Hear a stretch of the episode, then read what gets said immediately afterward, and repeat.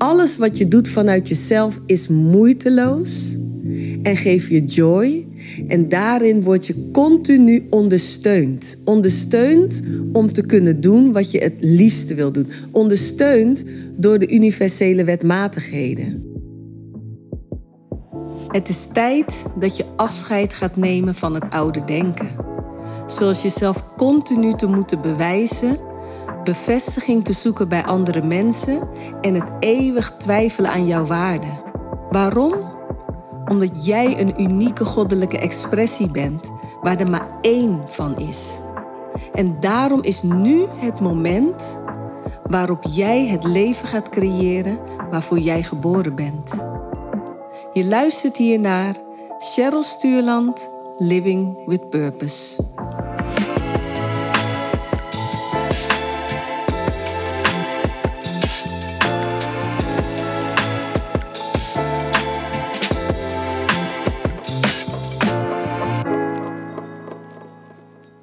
Ik kreeg een hele leuke vraag van uh, Robin, die mijn uh, podcastaflevering had beluisterd. De eerste, waarin ik mijn verhaal deelde over toen ik mijn masker liet vallen. En dat ging dan met name over het streven naar dat ideaalbeeld waar ik volgens mezelf aan moest voldoen. En de vraag die zij stelde was dat ze erg benieuwd was wat er nu nadat ik mijn natural hair ben gaan embracen, wat er dan allemaal soepeler, beter of anders is gegaan. Nou, de vraag is eerder wat niet. En kijk, in mijn geval was het niet zozeer alleen dat ik mijn natural hair embraced. Ik embraced mijn volledige zijn. De Cheryl zoals ik letterlijk geboren ben. En daar hoorde natuurlijk ook mijn haar bij. Dat, is dan een, dat was een gevolg daarvan. Omdat ik inzag dat ik een grootste gedeelte van mijn leven op bepaalde facetten tijd, energie en geld stak in het willen voldoen aan die ideaalbeeld. En dat dat mij ontzettend veel energie kostte, levensvreugde kostte, me ongelukkig maakte. In plaats van gelukkig, want het is nooit genoeg. Maar belangrijker nog is dat ik inzag dat hoe je van nature bent, dus hoe je geboren bent, dat jij toen niet bezig was met willen voldoen. want op het moment dat jij geboren bent, ben jij de perfectie zelf. In ieder geval voor je ouders niets meer aan doen. Gewoon, dit is het, perfect. En ergens along the way ben je gaan geloven dat je zoals je bent niet perfect bent. dat je anders moet zijn dan wie jij bent. dus je bent je op een gegeven moment gaan aanpassen. En de een doet dat in grotere mate dan de ander. Maar hoe dan ook, om soort van te functioneren in de maatschappij, gaan veel mensen zich aanpassen. En dat doe je al in je kinderjaren. En op het moment dat ik dus die innerlijke shift maakte, dat betekent dus dat ik ging inzien dat mijn gedrag en wat ik nastreefde voortkwam uit die conditionering. Dus dat ik van nature dat die motivatie niet heb, dat ik van nature dat niet nastreef, maar dat ik dat dacht dat ik dat moest nastreven. En dat ik dat ben gaan geloven dat ik dat moest nastreven. Dat ik er zo uit moet zien. En dat dat dan geluk zou brengen. Nou, uiteindelijk doet dat het natuurlijk niet. Het brengt geen geluk. Het enige wat geluk brengt is het onvoorwaardelijk liefhebben van wie je bent. En dat begint bij te snappen wie je bent. Want dan is het soort van logisch dat je jezelf kan embracen. Dus ik ging echt wel een stap verder dan inderdaad alleen maar mijn natural hair embrace. Het was mijn volledige zijn. En snappen dat wie ik in essentie ben, dat die een purpose, een intentie had voor dit leven. En dat hoe ik eruit zie, hè, mijn, mijn, mijn lichaam, dat dat de verpakking is waarop mijn essentie zichzelf wilde uitdrukken dat dat intentioneel is geweest. Zo hoor je eruit zien. Dit is wat ik, wat mijn essentie heeft uitgezocht. Dat paste bij het doel wat ik hier wilde beleven, wat ik hier wilde ervaren, wat ik hier wilde neerzetten. Dus op het moment dat je dat snapt, dan de gedachte dat jij dan zo gezegd niet zou kloppen, dat is zo idioot. Dat, dat, dat is zo. Dat kan je alleen maar hebben opgedaan door wat je in de buitenwereld hebt gezien. En waar jij dan een conclusie over bent gaan trekken van, oh, ik voldoen niet aan het heersende beeld wat ik om me heen zie. Dat ben jij zelf in je hoofd gaan creëren. Je bent dat zelf gaan vertellen. En op het moment dat je dat ziet en snapt dat wie jij in essentie bent, dat het de bedoeling ook is dat je er zo uitziet, dat dat klopt, dat het een perfect ontwerp is, dan alles wat daar niet mee, mee matcht, dat weet je, dat is een leugen, dat is conditionering. En dat opende alles gelijk. Ik snapte op een gegeven moment dat ik ook op andere facetten in mijn leven een, op een bepaalde manier een ideaalbeeld aan het nastreven was. Bijvoorbeeld de keuze om destijds te gaan ondernemen. En niet zozeer het ondernemen zelf, maar wel waarin ik aan het ondernemen was. Kwam dat van mij? Kwam dat van mijn authentieke zelf? Kwam dat vanuit mijn hart? Of kwam het vanuit het idee dat dit is wat ik moet doen om succesvol te ogen? Om in ieder geval naar buiten toe het beeld te hebben van dit is wat, hè, dit is wat succesvol zijn inhoudt. Dus op het moment dat jij beseft van dat er niks is wat jij hoeft te doen om aan de buitenwereld te bewijzen dat je wat waard bent, omdat simpelweg jouw bestaan al jouw waarde bewijst, dan vallen een hoop dingen weg. want je was dus klaarblijkelijk, en in mijn geval extern gemotiveerd. En de motivatie komt van buitenaf. In de zin van, oh, ik wil voldoen. Ik wil voldoen aan het idee van een ideaalbeeld waarvan ik denk dat mensen hebben. En daar wil ik aan voldoen, want ik wil er ook bij horen. Ik wil ook geaccepteerd worden. Ik wil ook gezien worden als geslaagd. Want daar haal ik mijn gevoel van eigenwaarde uit. Maar als je je eigen waarde nu haalt uit het feit van wie jij werkelijk bent. En snappen dat dat al je waarde is. Dan heb je dus niet meer bevestiging van buiten nodig. En dan vallen een hoop dingen weg. Dus een hele hoop dingen ga je dus niet meer doen die je daarvoor wellicht wel deed. In mijn geval, nou, wist ik, ik ga niet meer verder met deze onderneming, dus ik ga hem verkopen. Ik ging het verkopen omdat ik wel vond dat hè, het bedrijf was gewoon levensvatbaar. Het concept was gewoon goed. Het was alleen niet voor mij. Het was gewoon niet voor mij. Ik wist toen nog niet precies wat het dan wel moest zijn. Maar ik wist in ieder geval dat dit het niet meer voor mij was. Dus daar wilde ik in ieder geval zo snel mogelijk vanaf. Dus dat zijn de stappen die ik ben gaan nemen. Nou ja, wat ik ook in die video vertelde, hè, ik stopte met het dragen van haarwerken. En ik keek naar mezelf en ik besefte van wauw, dit is zoals ik ter wereld ben gekomen. En ik begrijp nu vanuit de teaching van Eckhart Tolle dat ik een uniek schepsel ben. Er hoeft niks aan verfraaid te worden. Dit is het. En daaruit ontstond gewoon een golf van liefde. Een golf van liefde ontstond omdat ik nooit op die manier naar mezelf had gekeken had. Dat is door die verwarring, dat is door die conditionering. Want dan kijk je ook vanuit een vervormde bril naar jezelf. Je ziet jezelf helemaal niet. Je kijkt vanuit die vervormde bril en je vergelijkt jezelf met hoe je denkt dat je moet zijn. En dat kan op uiterlijk zijn, maar dat kan ook op alle andere facetten zijn. Hè? Dus of je wel of niet genoeg geslaagd bent, of je wel niet succesvol bent op een bepaalde niveau. En dat vergelijk je dan weer met anderen die volgens jou wel voldoen aan het ideaalbeeld. En daarmee ga je jezelf vergelijken en daarmee beoordeel je jezelf van ben ik wel of niet succesvol. Maar succesvol zijn betekent jezelf zijn. Want alles wat je doet vanuit jezelf is moeiteloos en geeft je joy En daarin word je continu ondersteund. Ondersteund om te kunnen doen wat je het liefste wil doen. Ondersteund door de universele wetmatigheden. Want daar had ik wel al kennis van genomen. Maar op een of andere manier had ik die twee niet bij elkaar gelinkt. En daar ga ik in een andere aflevering dieper op in. Maar je wordt juist ondersteund in alles wat je doet, omdat het je authentieke zelf is. En je authentieke zelf wil dit, wil, had een purpose voor dit leven. En je wil de expressie geven aan wie je bent. En niet aan een B-versie van jou.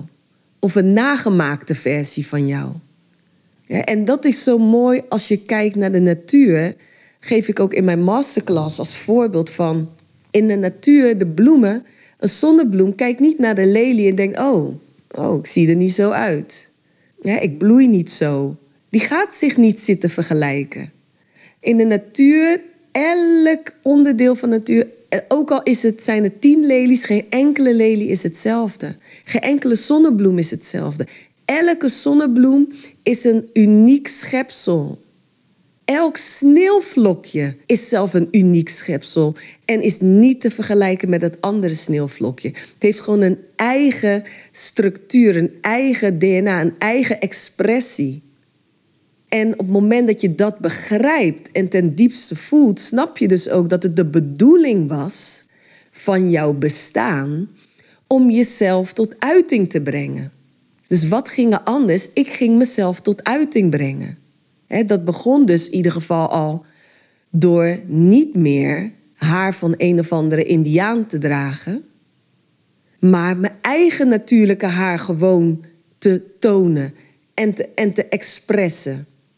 En dat ging niet, ja, dat was een uitdaging, want ik had geen relatie opgebouwd met dat haar. Dus ik, ja, het was even zoeken. Het was dus niet direct van, oké, het zit naar tevredenheid. Maar wat ik wel wist is, het is van mij. En het hoort bij mij. En ik hou ervan.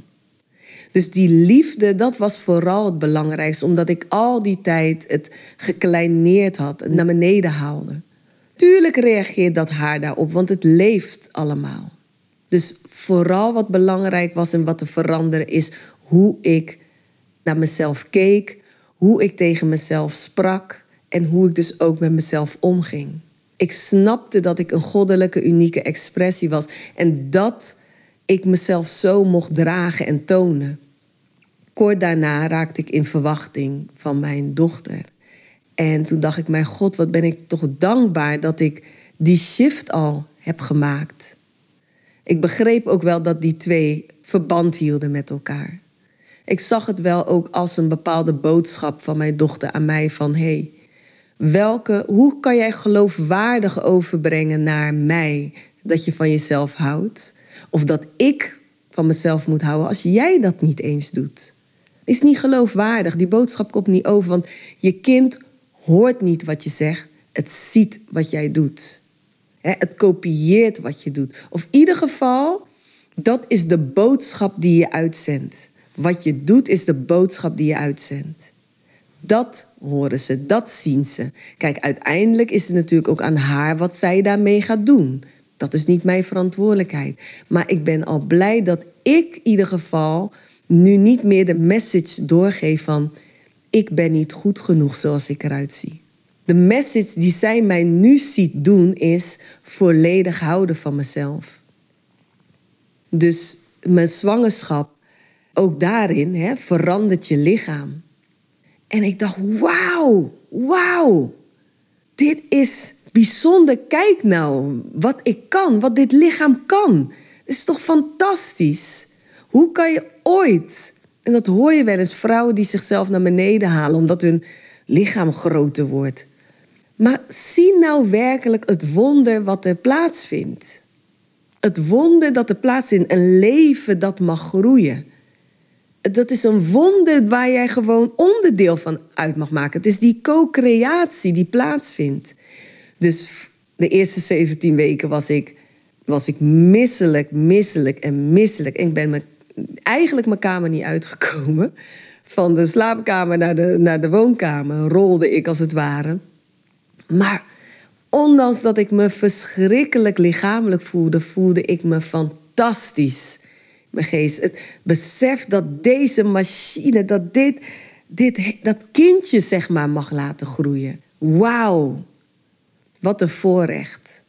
Dus ook toen ik mijn kindje leven mocht geven, dat waren 26 uren die heel heftig waren, maar ook daarin weer lichamelijk heftig, pijnlijk. Maar het, het, het, het diepe besef van wauw, dat dit plaats mag vinden, dat ik dit mag meemaken. Ik kon er gewoon niet bij. Ik, ik, het was voor mij zo overweldigend mooi. En dat had ik nooit zo ervaren als ik nog in die conditionering zat. Misschien had ik dan een ideaalbeeld gehad hoe dat dan zou moeten gaan. Dat engelen geluiden zouden, zouden komen als je kindje geboren wordt. Nee, het was gewoon pijnlijk. Het was lichamelijk pijnlijk. Ik had rugweeën. En ik heb uren op mijn benen gestaan. Maar ik dacht tegelijkertijd, dus het besef en het voelen van de intense pijn. En tegelijkertijd het besef van wauw, dat dit plaatsvindt. Kijk nou hoe dit helemaal opereert. Hoe, hoe alles in het lichaam precies weet wat het moet doen.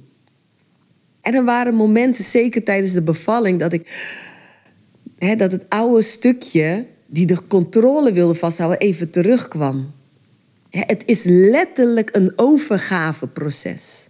Een letterlijke overgaveproces. Zeker toen de persweeën opkwamen. Denk je, wow! Dus ja, er is ontzettend veel veranderd. Vooral het embracen van het leven en zien wat het wonder van het leven is. En dat iedereen daar dus een uniek onderdeel van is, van het wonder van het leven. En dat je dingen in eerste instantie kan nemen zoals ze zijn. Daarin dus die volledige acceptatie. En dus ook de liefde. En omdat je in die, in mijn geval, omdat ik in die volledige acceptatie en liefde bleef, zat ik ook op een hogere frequentie. En dan gaan dingen dus voor je veranderen in je leven. Dan gaan dingen verschuiven. Gaan moeiteloos, gaan effortless. Dingen waarvan je denkt, hè, daar, had ik bij wijze van spreken een idee van. En pats, dan is het er. Effortless gingen dingen in de richting. Mijn bedrijf werd moeiteloos verkocht. En dat alleen maar doordat ik begonnen ben met onvoorwaardelijk van mezelf te gaan houden. Te gaan zien wat het onderdeel is waarin ik geconditioneerd ben en daar afscheid van te nemen. Het was letterlijk een rebirth. En dat wordt ook de naam van mijn programma die ik uh, januari ga lanceren. Om jou ook te helpen om die hergeboorte, die rebirth te gaan maken. En afscheid dus te nemen van de dingen die al niet van jou waren. Waarin je geconditioneerd bent. Die programmering. Waardoor je dingen bent gaan geloven over jezelf dat leugens zijn. En die jou nu weghouden van jouw echte geluk. Van echte vervulling. Van rust in je hoofd, van vrede. Waardoor je weer echt gaat genieten van je leven. En waarin je gaat merken dat het leven voor je werkt. Nu merk je pas, wauw, het leven was dus eigenlijk altijd voor me. Maar door de gedachten die ik had, door de overtuigingen die ik vasthield, werkte ik als het ware het leven tegen. Dus ja, het is een mooie vraag wat er voor mij is veranderd. Er is ontzettend veel voor mij veranderd. Het veranderd was een, een mega grote shift waar ik tot op de dag van vandaag alleen maar van profiteer en alleen maar. Het is meer dan de moeite waard. En het was een pijnlijk proces toen ik erin zat. Maar ik had het absoluut niet willen missen. Want dan zat ik nu nog steeds. Ja, was ik nog steeds waarschijnlijk druk bezig geweest om een ideaal beeld na te jagen. En nu ben ik gewoon gelukkig en helemaal content en vredig als mezelf.